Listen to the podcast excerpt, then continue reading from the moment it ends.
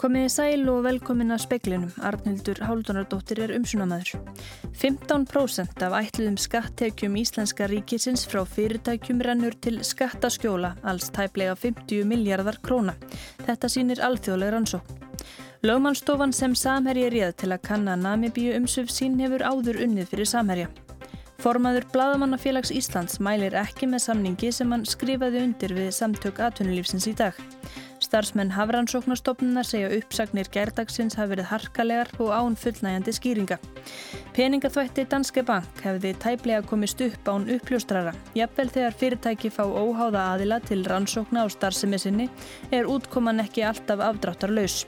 Það fylgjaði ímsir kostir að búa einn en það getur líka verið einmannalegt og fólki sem býr eitt finnst fjölskyldusamfélagið Ísland stundum ekki gera ráð fyrir sér.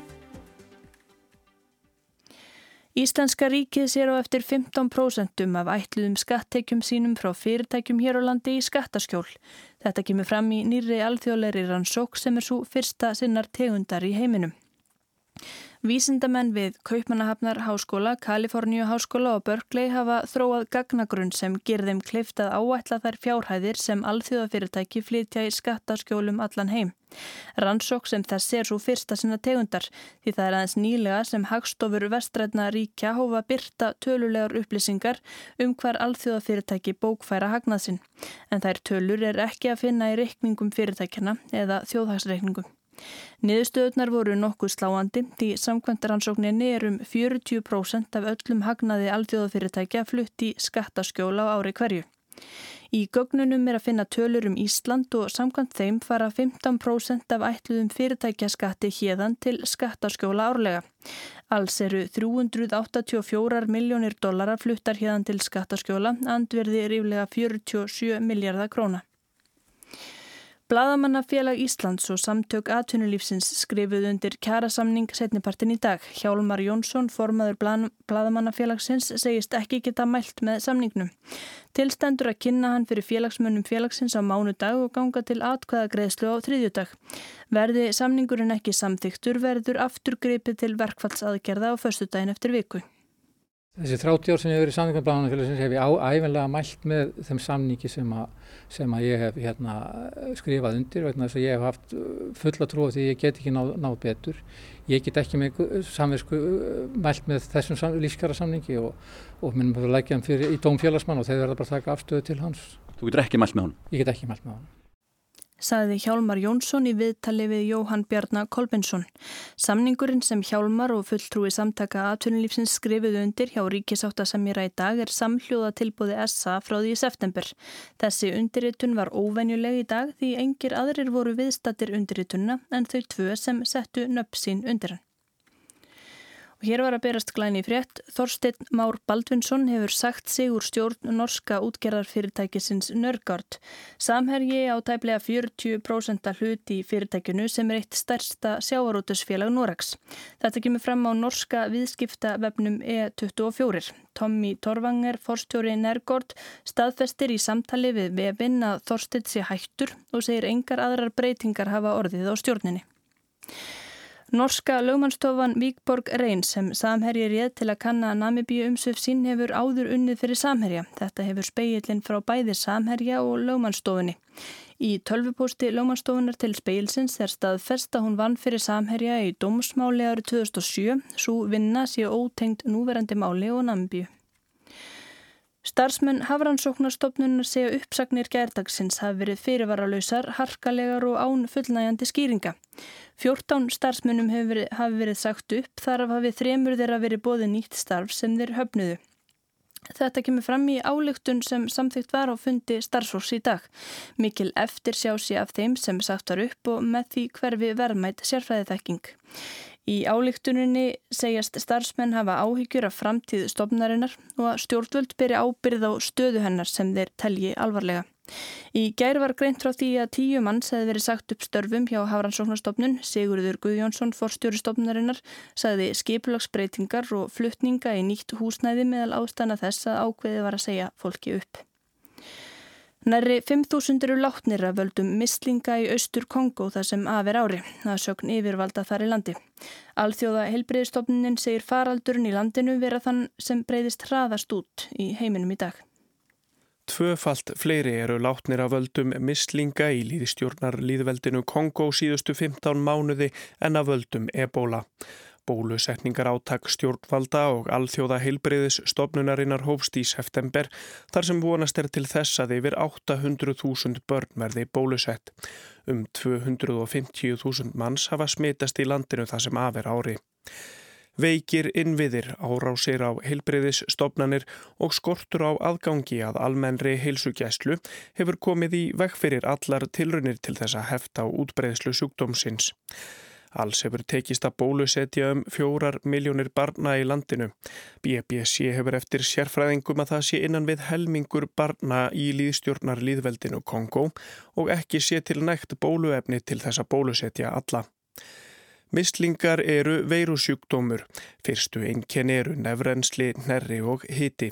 Nokkrum dögum síðar myndast bólur á andliti sem dreifa sér svo um líkamann. Flestir þeirra sem smitast ná sér aftur á fullu en mislingar geta leitt til örorku til frambúðar. Sjúkdómurinn getur verið banvæn, sérstaklega ef hann veldur lungnabólgu eða heilabólgu. Talið er að um 110.000 degi á ári hverju í heiminum af völdum mislinga. Róbert Jóhansson saði frá. Ástís Rán Gunnarsdóttir aðtapnakona skipulaði viðburði fyrir rafmyndarfyrirtækið OneCoin sem sætir nú lauröglu og skatt rannsóknum víðum heim. Ástís vill ekki svaraði hvort hún fjárfesti í OneCoin. Stopnandi OneCoin fyrirtækisins er Rúsja Ignatova sem er náinn vinkona Ástísar til tíu ára. Rúsja sem er frá Búlgaríu hvar sporlust fyrir tveimur árum og segist Ástís Rán ekki vita hvar hún er niðurkomin. Konstantín bróðir Rúsju hefur játað á sér peningaþvættu og fjársvík að þér kemur fram í frétt breska ríkisútásins. Þá segir að rannsakandur telji að alltaf 600 miljardar íslenska króna hafið sapnast frá fólki um allan heim og er fyrirtækinu líkt við Ponzi svindl. Þá segir einnig á web BBC að bandarísko lögmar Mark Scott hafi gæri verið dæmdur fyrir aðöld sína raf myndarsvíkunum. Scott saðist í réttarhöldunum ekki hafa vitað af því að raf myndin OneCoin var einskisvirði og að hann hafi einungu skert það sem Rúsja hafi fyrirskipað. Ástís Rán neytar því að hafa verið andlit OneCoin út af við eins og sagt á frá í íslenskum fjölmjölum fyrir fjórum árum. Já, ég get nú ekki sagt beint að ég hafa verið andlit fyrir, fyrirtækisins en hérna Ég var einhver tíman representuð á þann hátt út að ég, ég var oft kynir á svona stórum samkomum þá með hérna svona aðal sölufólkinu hjá OneCoin út um allan heim og var svona viðsennast upp á sviði hér og þar og já ég sá um að setja upp líka ívenda fyrir fyrirtækið. Þetta var Ástís Rán Gunnarsdóttir, Kristín Sigurðardóttir talaði við hana.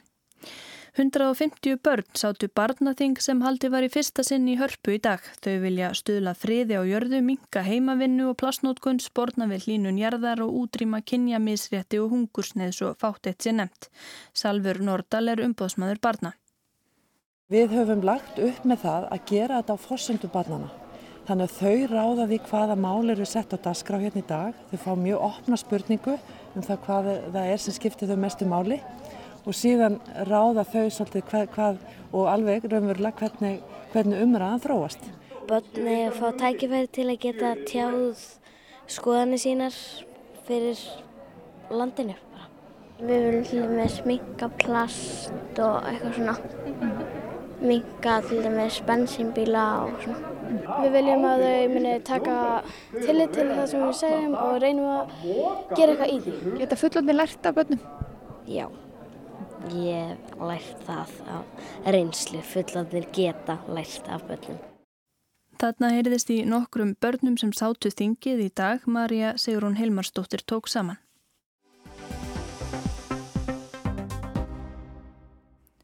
Samherji hefur ráðið Víkborg Reyn, norska lögmannstofu til að kanna umsvið Samherja í Namibíu. Samkvæmt upplýsingum frá bæði Samherja og lögmannstofunni til speilsins hefur stofan áður synd verkefni fyrir Samherja. Peningaþvætti Danske Bank er dæmumál sem tæplega hefði komist upp án uppljóstrara. Sakamálarannsókn tekur tíma og að jafnvel þegar fyrirtæki fá óháða aðila til rannsókna á starfsemi er útkoman ekki alltaf afdráttarlaus. Sáur vinur er til vam segir, segir máltækið, en stjórnendur fyrirtækja álýta uppljóstrara ekki endilega vini og aðgeftir raðgjafar er ekki alltaf góðir vinir í þeim skilningi að þeir segi ekki alltaf alla söguna. Gott dæmi um hvortvekja má finna í umfáksmiklu peningaþvættismáli Danske Bank.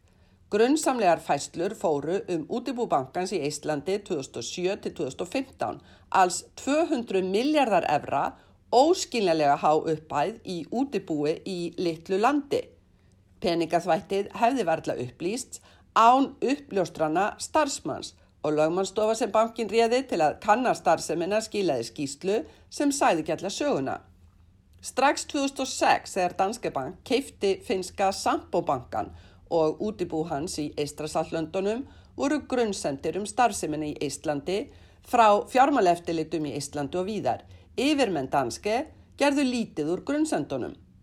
Í desember 2013 var einum yfirmanni í danski útibúin í Íslandi nóbóðið eftir að hafa skoðað bankareikning í eigu félags í London sem fekk háar greiðslur frá Rúslandi. Það var óljóst hvers eðlis greiðslutna voru hverjir væru raunverulegir eigendur og í þokkabót hafi félagið skilað fölsuðum ársreikningi. Eftir að hafa komið þessum upplýsingum til nokkura yfirmanna sem síndu engin viðbröð, gerði uppljóstrarinn frekari aðtúanir en allt kom fyrir ekki, engin viðbröð og starfsmaðurinn sæði upp. Eftir aðtúin innan hús álíktuðu stjórnendu danski að ekkert þyrti að aðhafast, upplýstu til dæmis ekki eftirlits yfirvöld. Aðfinnslu efnin hefði verið löguð. Bankin leiti hins vegar hjá sér hinn raunverulega vanda Í eistneska útibúinu voru 15.000 bankareikningar tengdir ótal skúfufélögum allt í eigu erlendra aðila. Áfram þæfðist málið í bankanum. Árið 2015 hafðu tveir bankar sagt upp viðskiptum við danske vegna grunnsum peningaþvætti. Setni hluta ársins ákvað danske loksins að loka þessum erlendreikningum í Íslandi. Árið 2017 byrtust frettir um tvö stórfæld peningaþvættismál í Azerbaijan og rústnestmál í Deutsche Bank. Í báðum málum kom danski í Íslandi við sögu. Þegar danska fjármáleftilitið byrti loks skýslu vorið 2018 um eistneska útibú danske hafði uppljóstrarinn naflöst samband við dagblæði berlinske því skýslan væri megin gölluð. Umfjöllun berlinske byggð á efni uppljóstrarans hjælt málinu lifandi fram eftir árinu. Í fyrra haust var uppljóstrarinn nefndi til sögunar Howard Wilkinson fyrir um yfirmaður í danski í Íslandi. Án hans og umfjöllunar berlinske hefði peningaþvætti danski tæplega verið tekið til rannsóknar. Í september í fyrra byrti danski skýslu um umsvifin í eistneska útibúnu. Skýslan var unnin af lagmannstofinni Bruno Jæle sem var reyndar ekki alveg óháð hafði seint verkefnum fyrir bankan. Í skýslunni sæði að ímsir ónafgreindir starfsmenn útibúsins hefði brotið lög, þó ekki Tómas Borgen, þá forstjóri bankans, en hann hefði bara ekki beitt sér fyrir að upplýsa eistnesku umsvefin. Sankvæmt skýslunni var Borgen þó tvísvar mjög framtaksamur þegar hann hindraði að bankin kannaði betur viðskiptin í Íslandi sem skiluðu með tagnaði. Borgen sagði af sér daginn sem skýslan byrtist. Stjórnarformaðurinn sagðis myndu segja af sér setna en var rekin skömmu síðar. Og hver er svo staðan í danskemálinu? Málið er enni rannsókn í Íslandi, Danmörku, Fraklandi og Bandaríkjunum. Nokkri starfsmynd danski í Íslandi sæta rannsókn. Borgen hefur verið ákjærður, einnig Henrik Ramlá Hansen, fjármálastjóri bankans til 2015. Þá var þann stjórnaformaður fjármáleftilitsin sem vekur spurningar um líntök eftirlitsins á málum danske lengi vel og Ernst Young, endurskoðandi bankans, sætir laurugluransókn. Lögfræðingur Wilkinson segir danski hafa reynda að kúa Wilkinson til að þeia. Minstrið í stórum fjársvika og spillingamálum er ótrúlega oft það sama. Uppljóstrarar koma á framfæri afhjúbandi upplýsingum. Viðkomandi fyrirtæki reyna næstum undatekningalöst að hjóla í uppljóstraran. Egin rannsóknir eru sjálfnast nógu djúptækar. Bankar eru klárlega orðnir mun meðvitaðri en áður um peningaþvætti Þess vegna er aðtiklisvert að norski DNB-bankin sæði upp viðskiptum við samherja í fyrra en óljós hvernig samherji brást á við. Bæði Íslandsbanki og Arjón kannan nú viðskiptin við samherja. Þáttur endurskoðanda samherja er enn óljós. Samherji hefur nú ráðið Víkborg Ræn virta norska lögmanstofu til að rannsaka namibjumálið. Í tölvuposti stofunar til speilsins er staðfest að hún hafi áður unni fyrir samherja en svo vinna ótengd núverandi máli. Í tölvuposti Samherja til speilsins er sagt að stofan hafi unni fyrir Samherja í dómsmáli 2007 og tengdu Namibíu. Sigrun Davidsdóttir tók saman.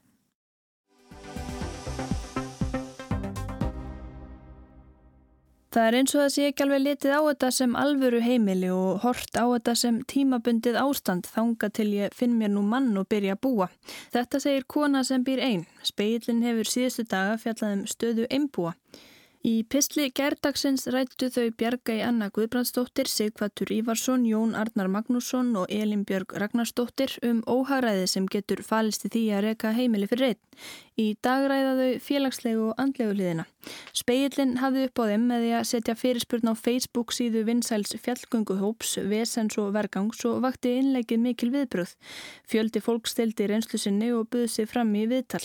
Það fylgjaði ímsir kostir að búa einn en það getur líka verið einmannalegt og fólki sem býr eitt finnst fjölskyldusamfélagið Ísland stundum ekki gera ráð fyrir sér. Já, ég heiti Bjarki Anna Guðfrisdóttir. Ég er búin að búa einn, það eru orðin eitthvað svona 15-16 ár.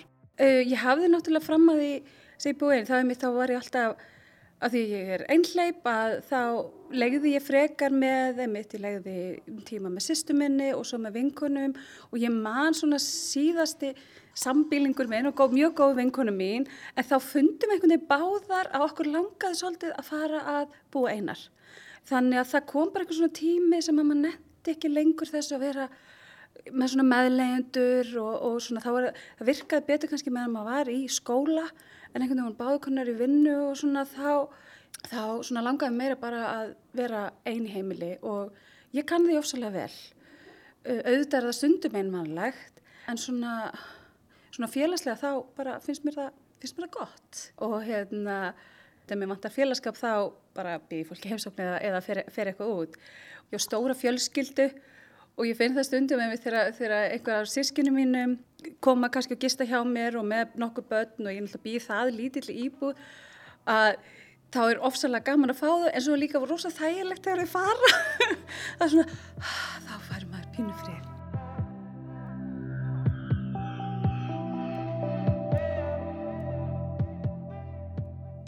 Herði, já, ég heiti sem sagt Sigurkandur Ívarsson og uh, ég er 52 ára og uh, ég er búinn að vera um, einn, uh, já, meira að minna í átján ár. Mér, mér finnst, ég meina auðvitað hefur að sína kosti og galla að búa einna og hérna, ég, ég hef reyndar alltaf verið svolítið sjálfur með nægur en svo er náttúrulega líka, þó ég sé sjálfur með nægur og þá hef ég alveg sömu þörfu á allar aðri fyrir félagskap og, og nánd og, og snerting og elska og vera elskaður sko. Þannig að það er ekkert aðri sér mér aldrei en öðrum. Þannig að þetta getur verið innmannalegt að köplum kannski? Já, já, það getur svo sannlega verið það. Maður er alveg á sínar stundir þar sem maður er mjög einmanna og langar í félagskap. Og hérna þá maður kannski vil ekki vera í hvaða félagskap sem er. En, en ég, þess að ég Ég er búin að vera svo lengi eitt þannig ég er kannski orðin svolítið sjóaður í því að, að vera sjálfur með nægur þegar ég upplifir svona ennmannstundir að þá veit ég svolítið svona hvað ég á að gera. Það er svolítið erfiðar fyrir þá sem eru kannski yngri og, og búin að vera stittir tíma og eru vanir því að vera kannski alltaf í samböndum eða fóröldarhúsum. Ég flytta heima svo snemma. Sko. Einn af ástofnum fyrir því að, að um, þessi hópur hefur stækkar ósæðilega er sérstaklega svona þessar yngri kynsluður. Ég, ég stunda uh, fundi í 12 samtökum og bara í gegnum það við tekið eftir að það eru og fólki er ofsalega einangrað. Það ég átt þess ekki á því hversu einangrað er sko. það að, að eiga tíma eiga tíma með sjálfið þér þar sem þú ert ekki í símanum ekki að horfa á Netflix ekki að lesa bók, bara þess að þú ert hitt með sjálfið og finnur, og finnur fyrir sjálfið þér ég held að þetta sé eitthvað sem að flest allir þessi einstakleikar óttast meir en allt annað. Þetta er svolítið erfiðast sem þetta fólk gerir. Þetta er þess að þá verður sko þögnin hún verður svo ærandi og þá upplifur um, kannski allan sásökunar innmæleikan sem er inni. En það er akkur það sem þú þarfst að gera til þess að ná þessari tengingu við sjálf þú þarfst að fara í, í, í gegnum þetta ferli. Og ég hef búin að vera í, í svona sjálfsvinn og tólsporum minni sko í 20 ár og, og, hérna, og er bara svo rosalega þakkláttu fyrir það því að fyrir vikið þá er ég bara mjög vel tengtur sjálf með mér en en ég meina ég, ég hef mína bresti og er bygglaður rétt eins og allir aðri sko, ég er ekki fullkomnan en neitt annar sko.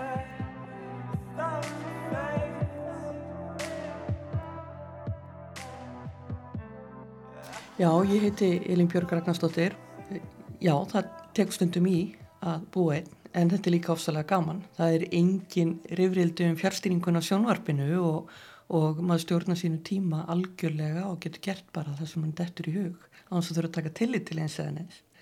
Um, hins vegar fann ég það fyrst eftir ég var einn að til dæms að fara í bíó, að fara einn í bíó, uh, fara einn á ball eða fara einn eitthvað, ferðast einn.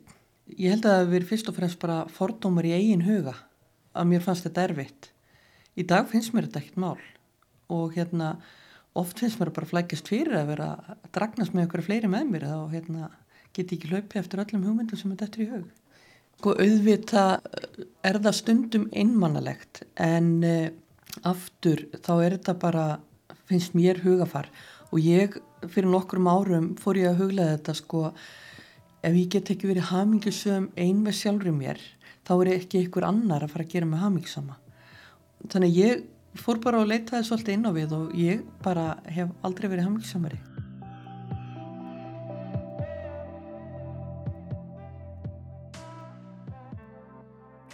Ég heiti Jón Arnar Magnússon. Annarkvæmt að búa einn eða hjá fólkdraðinu og ég er búin að búa í fólkdraðinu mínum í mörg ár. Þá vildi ég vera sjálfstæður. Ég vildi geta bóðum erlendum vinum að góða mér heims og, og gesti á mér ykkur á nætur á þess að fá leiði hjá einhvern öðrum. Ef þú byr hjá fólkdraðinum þá er þetta að fara eftir þeirra húsreglum það er að taka tillit til þeirra. Nú er oft talað um að innmannaleiki sé, sé vaksandi vandamál. Eh, heldur það að búa ítundur innmannaleika eða skiptir það einhver mál í því samengi? Sko búa einn, þá getur verið einmanna þó að það séu þrýr í kringuði. Þó að ég búi einn, þá, þá, þá finn ég ekki fyrir einmannaleika því það fylgta fólki í kringum mig sem spjallafi. Svontu er bara gott að kúpla sig út úr hvertastlífuna.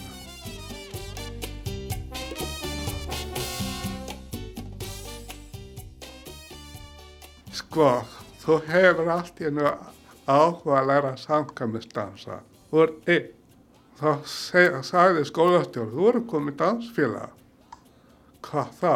Hvað hef ég að spyrja hundra manns í semaskrunni, ringi ég eitthvað, hey, hefur áhuga að vera dansfélagi? Það er ekki heima hjá mér sem hefur áhuga að dansa. Sko nú er oft talað um Ísland og maður hefur heyrt fólk sem býr eitt eða er eitt talað um að Ísland sé svo mikið fjölskyldu samfélag en það sé einhvern veginn ekki kannski skilningur á því alltaf að fólk búi eitt. Það er svolítið pressa hér á Íslandi að það eignast fjölskyldu þessi velja að búa einir kannski eru hafingja saman þannig og samfélagi að taka því fagnandi. Í öðrum samfélagum sem ég kennst þar far fólk að njóta sín að vera einn.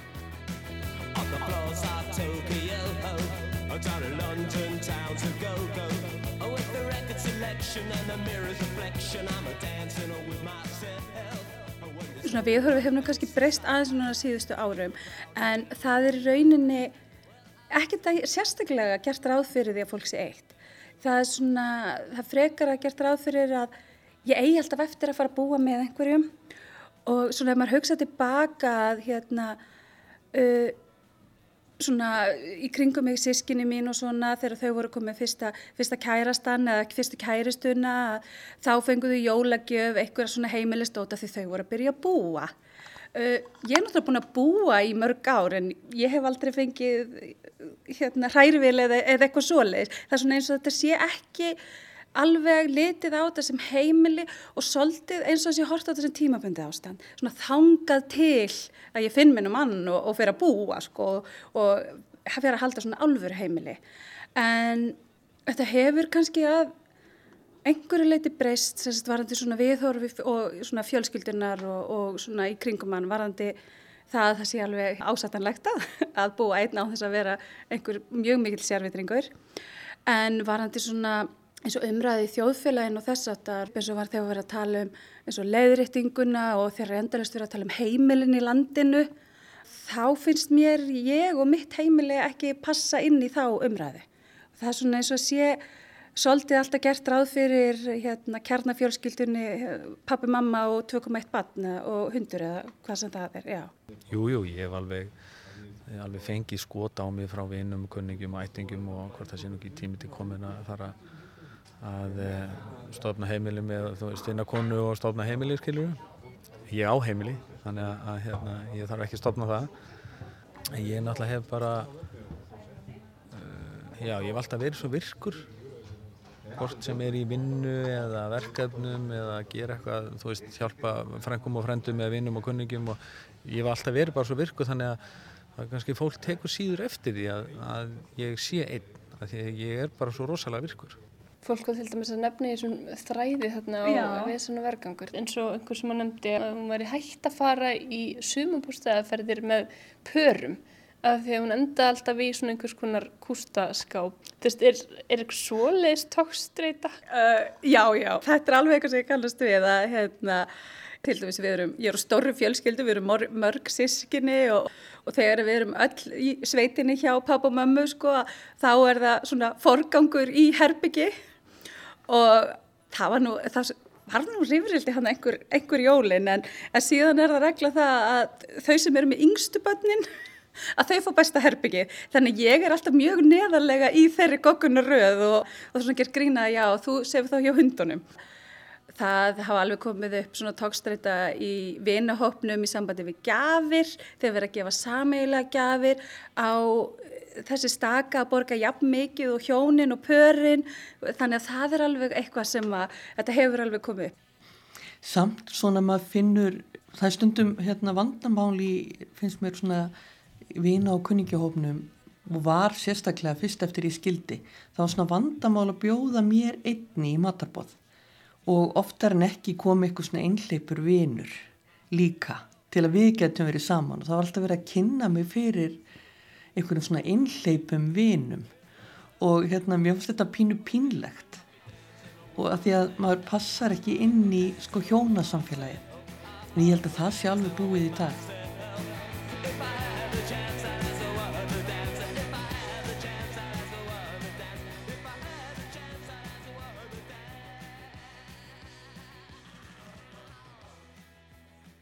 Þetta voru þau Bjargæi Anna Guðbrandsdóttir, Sigvatur Ívarsson, Jónarnar Magnússon og Elin Björg Ragnarsdóttir.